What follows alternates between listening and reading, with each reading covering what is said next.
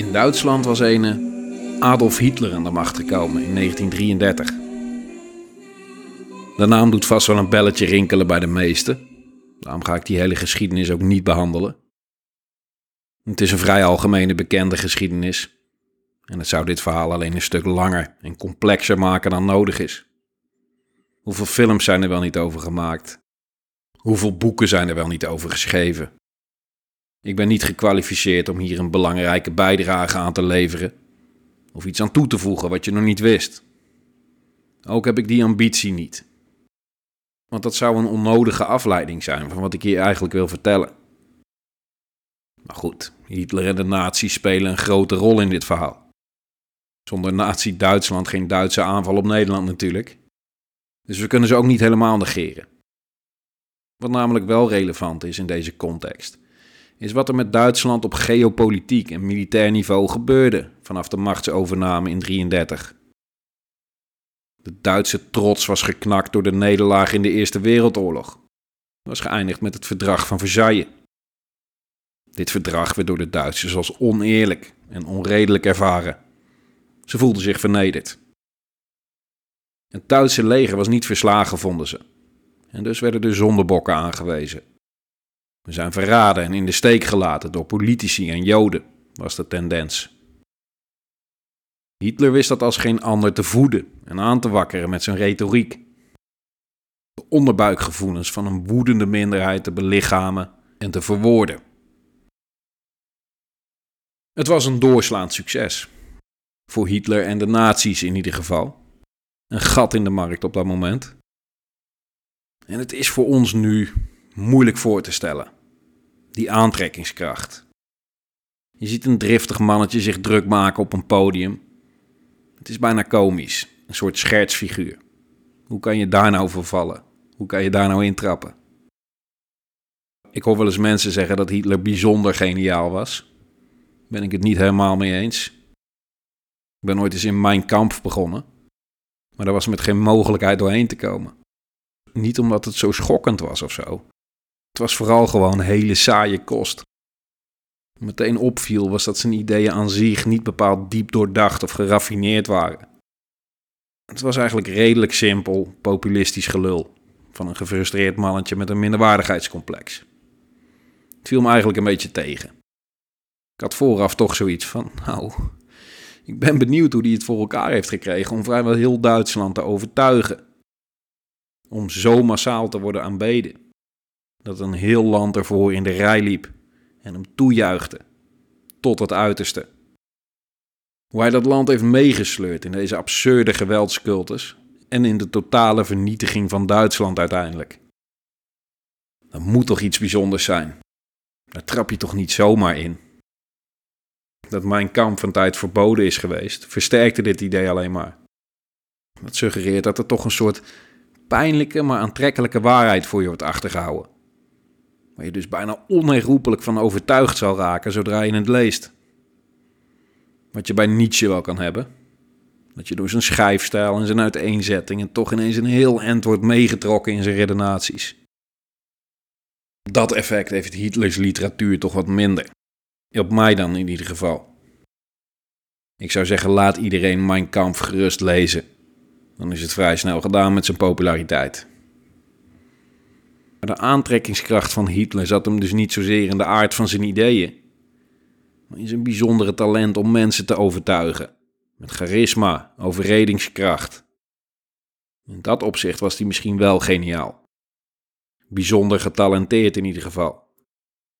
In zijn vermogen om in het openbaar te spreken, om menigtes in vervoering te brengen. Wij zien vaak alleen het eind van de speeches die hij hield. Dat geschreeuw, die druktemakerij. Maar dat was de climax, waar hij dan zorgvuldig naartoe had gewerkt en de intensiteit minutieus had opgebouwd. Die speeches waren uiteraard inhoudelijk verwerpelijk, maar retorisch en qua opbouw en uitvoering absolute kunststukjes. Het is dan ook te makkelijk om de Duitsers van toen weg te zetten als een stel hersenloze idioten. Het is veel interessanter en leerzamer om te onderzoeken hoe iemand overtuigd kan raken van een man die wij nu achteraf zien als een absoluut monster. De belichaming van het kwaad. En waarvan het lijkt dat dat er enorm dik bovenop lag en overduidelijk zichtbaar moet zijn geweest. Maar wij weten hoe het afliep. Dat wisten zij niet. Ik hou mezelf graag voor dat ik een van de weinige Duitsers zou zijn geweest die zich had verzet, die zijn retoriek direct had gewantrouwd. Maar dat weet je dus gewoon niet. Want het sloeg behoorlijk aan in Duitsland. Onder andere omdat er werkgelegenheid werd gecreëerd en de economie groeide. Maar de Duitse eer moest ook worden hersteld. De schande van de nederlaag in de Eerste Wereldoorlog moest worden gerevancheerd. In het verdrag van Versailles waren allerlei restricties opgenomen, zodat ze niet weer zouden proberen om hun geopolitieke doelen waar te maken. Een riskante tactiek van de geallieerden, die behoorlijk verkeerd uitpakte. Want dat bleek de voedingsbodem voor nog meer onvrede. Het zaadje in de grond waar de Tweede Wereldoorlogboom uit zou groeien.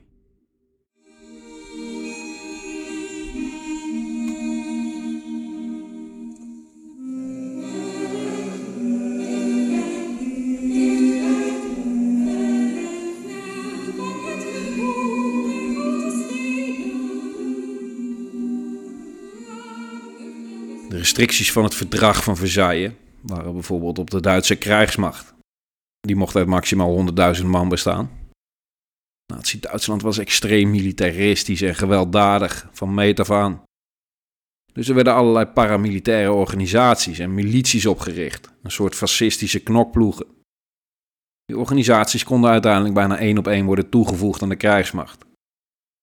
De 100.000 beroepsmilitairen die ze hadden waren zeer gespecialiseerd en die zouden de basis gaan vormen van de Duitse krijgsmacht toen die enorm werd uitgebreid in de loop van de jaren 30. Ze hadden eindeloos kunnen oefenen met nieuw materiaal en hadden nieuwe radicale ideeën kunnen uittesten en om kunnen zetten in een revolutionaire en moderne doctrine. Met een nadruk op de aanval, op mobiliteit, snelheid, agressie. Om zo met een relatief klein leger toch te kunnen winnen van Frankrijk. Hun ambities waren enorm. Ze besloten dus ook om de restricties maar aan de laars te lappen. Eerst in het geheim en daarna gingen ze steeds meer openlijk de Volkerenbond tarten en provoceren. Wat zij zagen als het Duitse Rijk moest in ere worden hersteld.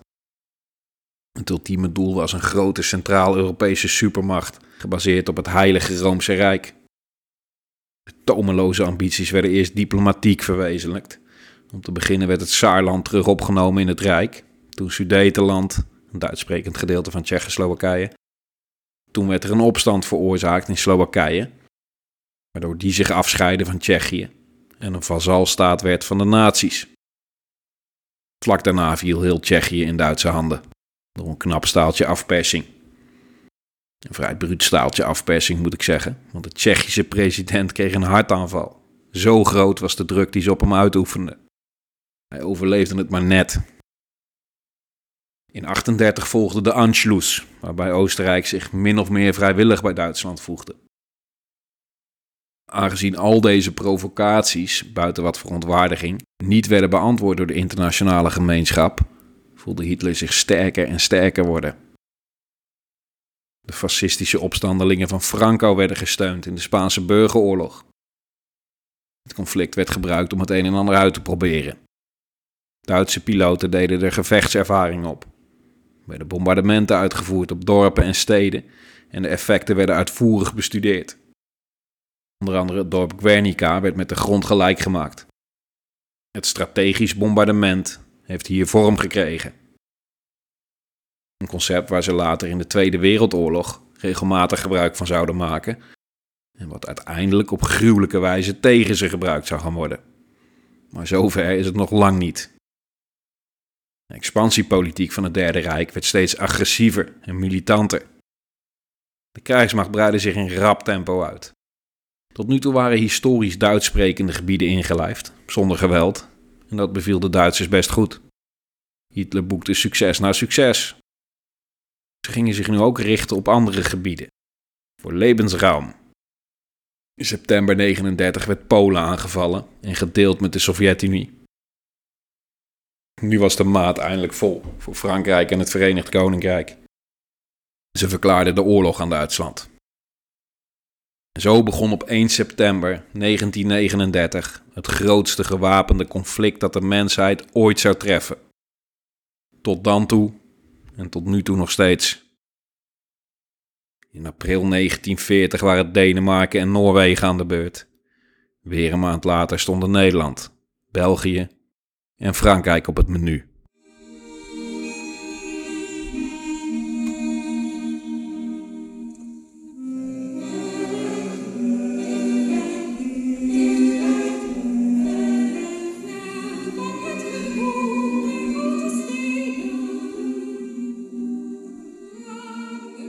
De Duitse legerleiding schatte in dat ze voor de verovering van Nederland en het verslaan van de Nederlandse krijgsmacht ongeveer 24 uur nodig zouden hebben.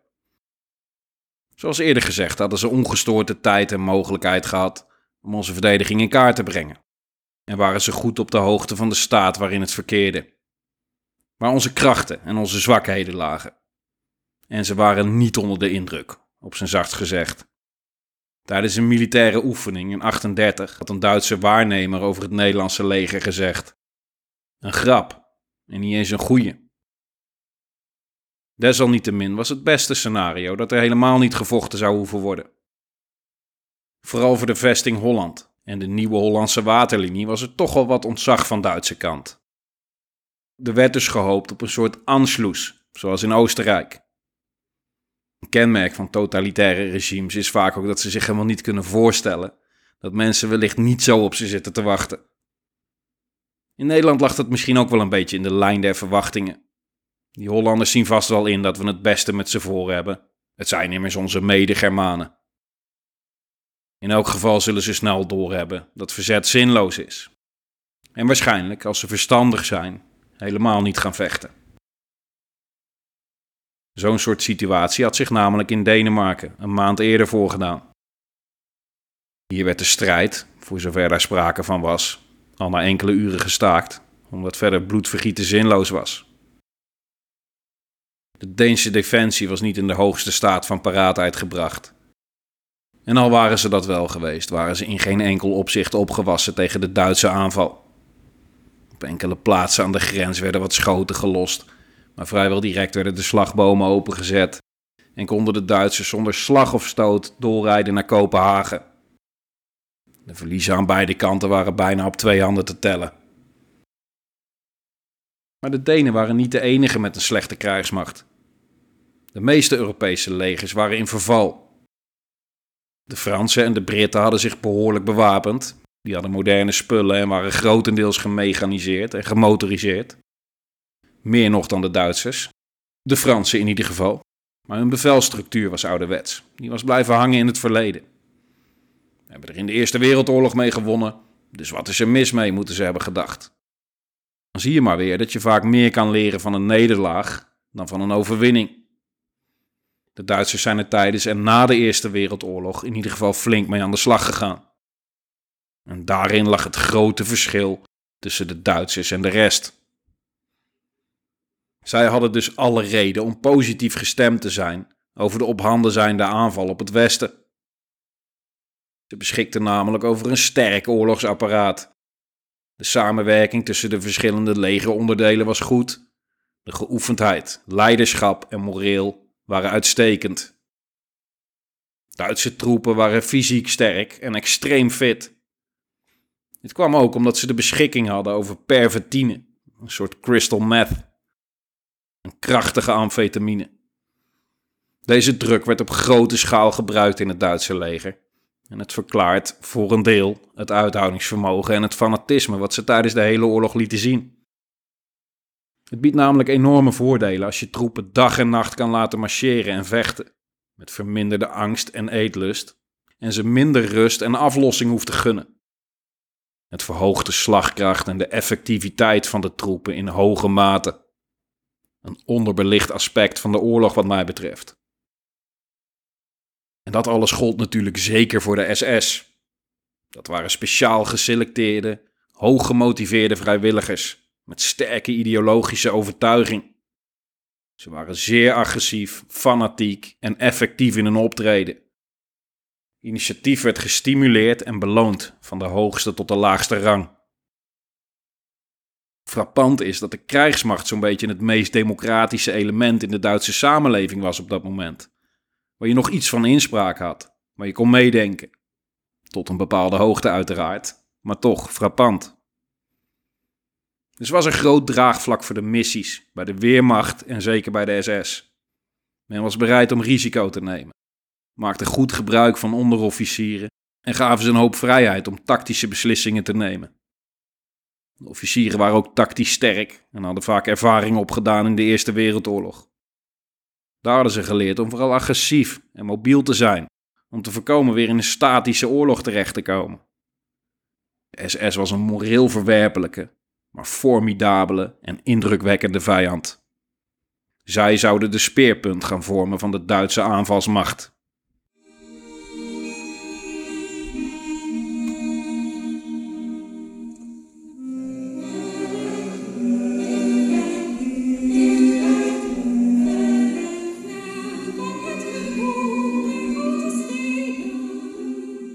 Zoals ik al uitgebreid heb omschreven, was er aan de Nederlandse kant minder reden om positief gestemd te zijn over de oorlog die op handen was. In de strategie was ingecalculeerd dat het hele land niet te verdedigen was. Daar hadden we gewoon te weinig soldaten en materiaal voor. We gingen ons beperken tot een aantal verdedigingslinies en stellingen. Uiteindelijk zou alleen de vesting Holland langdurig verdedigd kunnen worden, dachten zelfs de grootste optimisten binnen de krijgsmacht. Daarom werd de zuidkant van de vesting Holland en de Grebbe-Betuwe-stelling het best verdedigd. Daar was ondanks de politieke tegenwerking en de beperkte middelen er alles aan gedaan om een degelijke verdediging te organiseren. Hier ook weliswaar met het naïeve idee dat de nieuwe Hollandse waterlinie nagenoeg onneembaar zou zijn. Nederland werkte al vanaf de 17e eeuw met waterlinies. Dat concept werd in de loop van de eeuw uitgebouwd Vanaf 1815 werd de nieuwe Hollandse waterlinie aangelegd. In 1870 was die grotendeels voltooid. Precies tot dat moment was de linie waarschijnlijk onneembaar geweest. De militaire ontwikkeling zou helaas niet stil blijven staan. Sterker nog, die zou vanaf dat moment een enorme vlucht gaan nemen. Die vlucht had de waterlinie niet kunnen bijhouden. Waar de verdediging overigens bijna perfect was, was op de afsluitdijk, de stelling Kornwerder-Zand. Deze stelling werd als cruciaal gezien, omdat de Duitsers via de afsluitdijk de noordkant van de vesting Holland konden bereiken. Afsluitdijk is een voorbeeld van hoe het ook had gekund. Sterke, gewapend betonnen kazematten met aaneengesloten vuurlinies in samenwerking met modern luchtafweergeschut. Prikkeldraadversperringen, zoeklichten, genoeg munitie, goede verbindingen, goed leiderschap en gemotiveerde troepen. De stelling was echt een van de sterkste verdedigingswerken van Europa op dat moment. Over het verloop van de strijd daar gaan we het later nog hebben. De rest van de linies, zoals de IJssellinie en de Pilraamstelling, werden matig verdedigd. Die moesten vooral voor tijdwinst gaan zorgen. De verdedigers daar mochten zich vrij snel terugtrekken naar beter verdedigde stellingen, zoals de Waallingenstelling of de Grebbelinie. Bij de algehele mobilisatie in augustus 39 moesten de meeste linies nog worden aangelegd. Dit moesten de soldaten ter plaatse persoonlijk gaan doen. Ze moesten zich dus grotendeels gaan bezighouden met graafwerkzaamheden en hielden daarom weinig tijd over om de matige geoefendheid iets te verbeteren. Voor de fysieke kracht was al dat graven natuurlijk niet slecht, maar ze hadden de laatste maanden voor de oorlog beter kunnen besteden aan tactische drills en het testen van de stellingen. Het opereren in grote verbanden tegenaanvallen beoefenen en onderlinge afspraken maken met andere eenheden. Het afstemmen van samenwerking tussen artillerie en infanterie bijvoorbeeld. En het beoefenen daarvan. Het was kiezen of delen geweest voor de Nederlandse legerleiding waar de focus ging liggen. De Hollandse waterlinie werd uiteindelijk opgeofferd ten opzichte van de Grebbe-Betuwe-stelling. De Hollandse waterlinie had een optimale stelling kunnen zijn in verband met de goede inundaties, maar de forten waren flink gedateerd en toen vaak al ruim een eeuw oud. Een ander nadeel was dat Amsterdam en Utrecht dan binnen bereik zouden komen te liggen van vijandelijke artillerie. Het was voor de strategen in ons land ook wel duidelijk dat dit een moeilijke klus zou gaan worden. De stormachtige militaire ontwikkeling in Duitsland was overduidelijk voor veel militairen op dat moment. Maar de handdoek werd niet bij voorbaat in de ring gegooid. Nederland zou verdedigd gaan worden. Hoe dan ook. Het kwam steeds dichterbij. Koningin Wilhelmina sprak het volk toe. Ik citeer. Landgenoten, op het ernstige uur waarop wij ons verplicht hebben gezien de maatregelen te nemen om land en zeemacht op voet van oorlog te brengen, is het me een behoefte, een vreugd, tot u allen te richten. De toestand is ernstig, niet in die zin dat alle hoop op een vreedzame oplossing tussen de betrokken mogendheden als vervlogen zouden moeten worden beschouwd. De besprekingen zijn nog niet afgebroken en zolang er geen breuk is, is niet gebleken dat de vrede moet wijken voor de oorlog. Einde citaat. Zoals koningin Wilhelmina duidelijk aangaf in deze toespraak, die ze op 6 mei hield op de Nederlandse radio, was de situatie ernstig en gespannen. Maar de hoop op een vreedzame oplossing was er dus nog steeds. Maar ons lot was al lang bezegeld. Er was geen ontkomen meer aan. Maar dat wisten we toen nog niet.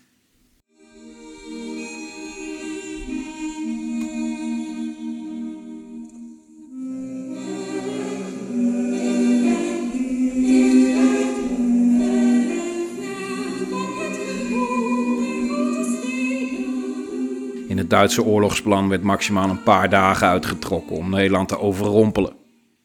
De Nederlandse krijgsmacht moest dan verslagen zijn en de koningin en de regering en de legerstaf moesten gevangen genomen zijn. Voor het Duitse opperbevel was het een jaar voor aanvang al duidelijk. Nederland en België gingen bezet worden om de aanval op Frankrijk te ondersteunen. Dit was strategisch cruciaal. In oktober 39 gaf Hitler de opdracht om de aanval voor te bereiden. Het zat eraan te komen, maar vanaf dat moment was het definitief. Hitler zou zoiets gezegd hebben in de trant van: Als we straks gewonnen hebben, dan lult niemand meer over die neutraliteitsschending van Nederland en België. Geen gewetensbezwaren dus bij de Führer. Dan was dat iets waar hij ogenschijnlijk sowieso weinig last van had. Het Duitse aanvalsplan was als volgt. Een divisie parachutisten en een divisie luchtlandingstroepen, die met transportvliegtuigen werden afgezet, in totaal zo'n 15.000 man, landen ver achter vijandelijke linies. De een rondom Den Haag de ander ten zuiden van Rotterdam zo ongeveer. Deze Fallschirmjäger moesten het voorwerk gaan doen. Vliegvelden rond Den Haag veroveren en de koningin en de regering gevangen nemen en het militair hoofdkwartier bezetten. Maar ook allerlei overheidsgebouwen en strategisch belangrijke plaatsen bezetten, zoals kazernes, brandstofopslagplaatsen, autohandelaars en voedseldistributiekantoren. Het zou de grootste luchtlanding tot dan toe worden. De eerste keer dat dit wapen op grote schaal werd ingezet. De aanval over land moest als volgt gaan plaatsvinden. Twee legers vallen Nederland aan. Het noordelijkste deel valt op drie plaatsen in Nederland binnen en zou via de afsluitdijk de kop van Noord-Holland veroveren en verder zuidelijk richting de stelling Amsterdam gaan. Het centrale en sterkste deel bestaat uit twee elementen. Deze zullen de IJssellinie doorbreken en doorstoten richting de Grebbelinie. Hier gingen ook de beruchte SS-eenheden, Leibstandarte Adolf Hitler en de Leibstandarte der Führer in actie komen. De noordelijke aanvalsmacht zou daarna richting Amsterdam gaan, de zuidelijke richting Utrecht. Verder ten zuiden daarvan zou een element via Noord-Limburg Nederland binnenkomen. Deze bezat het grootste panzerelement van de Duitse invasiemacht en moest achtereenvolgens de Waalstelling en de Pilraamstelling doorbreken, vervolgens Noord-Brabant doorkruisen, om uiteindelijk via zuidelijke richting Dordrecht te bereiken, om de parachutisten te ontzetten bij Moerdijk. De meest zuidelijke drie eenheden moesten de licht verdedigde Maaslinie nemen. De noordelijkste van de drie zou richting Zeeland gaan. De andere twee gingen dwars door Limburg richting België. Onder andere naar het legendarische Belgische fort Ebben-Emael. Ten zuiden van de Nederlandse grens was er een gat in de verdedigingslinie. De Belgen hadden stelselmatig geweigerd om hun eigen linie op de pilraamstelling aan te sluiten. Vandaar dat deze op zichzelf goede barrière matig werd verdedigd. Het risico was dat de linie kon worden omsingeld. Daardoor werd er niet al te hoog op ingezet. Dat was het. Alles wat we hadden. Meer kan ik er niet van maken. Een klein leger, dun uitgesmeerd over een aantal zwakke stellingen. Maar hoe verder naar het westen, hoe beter en dichter bevolkte stellingen zouden worden. Dat wel. De geruchtenmachine draaide op volle toeren. Wat zou er gaan gebeuren? Het waren dit keer geen loze geruchten, zou blijken. Er kwamen ook concrete aanwijzingen binnen dat het toch echt ging gebeuren. En spoedig.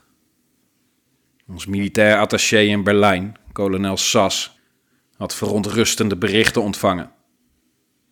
Hij was daar in Berlijn bevriend geraakt met de Duitse kolonel Oster. Oster had een hekel aan het naziregime en was niet blij met de Duitse agressie. Hij had zodoende al eerder informatie gelekt aan zijn Nederlandse collega, bijvoorbeeld over de aanval op Polen. Daar verstreek toen de genoemde datum van, waardoor zijn berichten vanaf dat moment minder serieus werden genomen door het hoofdkwartier in Den Haag. Onverstandig, want zijn berichten waren vrijwel altijd correct. Oster zag het doorspelen van informatie niet als verraad, maar juist als het verdedigen van Duitsland. Van zijn geliefde vaderland dat gegijzeld was door misdadigers. Van het in zijn ogen beschaafde en eervolle land dat het moest zijn en ooit was geweest. Hij speelde door dat er een aanval in Zuid-Europa was gepland. Maar vooral ook dat er een aanval op Nederland, België en Frankrijk op handen was. Over een paar dagen geht es im Westen los. Gaat het gebeuren in het Westen? SAS stuurde direct een telegram naar Den Haag, maar het risico dat die te laat aan zou komen of zou worden onderschept was te groot. Dus belde hij het hoofdkwartier in Den Haag op. Hij wist zeker dat die lijn werd afgetapt, maar nam het persoonlijke risico voor het hogere doel. Hij kon niet anders. Hij is toen onmiddellijk naar het gezantschap gegaan. Het was toen een uur of tien. En om te voorkomen dat hij zou worden afgesneden van Den Haag, zoals in de vorige gevallen was gebeurd, heeft hij onmiddellijk verbinding met Den Haag aangevraagd. En zodra hij de verbinding doorkreeg, gewoon open over de telefoon gezegd: Morgenochtend bij het aanbreken van de dag. Hou je tij. De hoop op een vreedzame oplossing was definitief vervlogen. Op 9 mei 1940, één dag voor aanvang van de oorlog, werd Nederland geïnformeerd over de op handen zijnde aanval.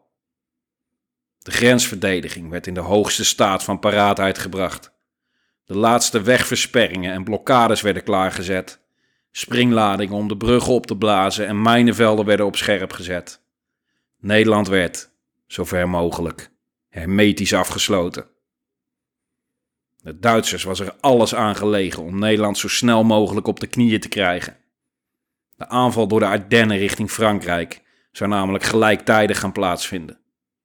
Dat het Nederlandse leger de noordflank van die aanval zou bedreigen, was onacceptabel. Het mocht op zijn hoogst een paar dagen gaan duren.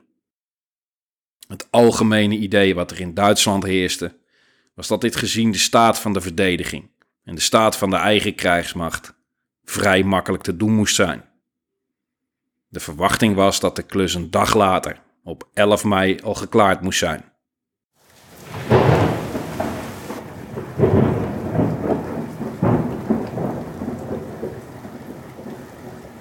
Er hing een donkere donderwolk boven Europa en de wind was nu gedraaid naar het westen.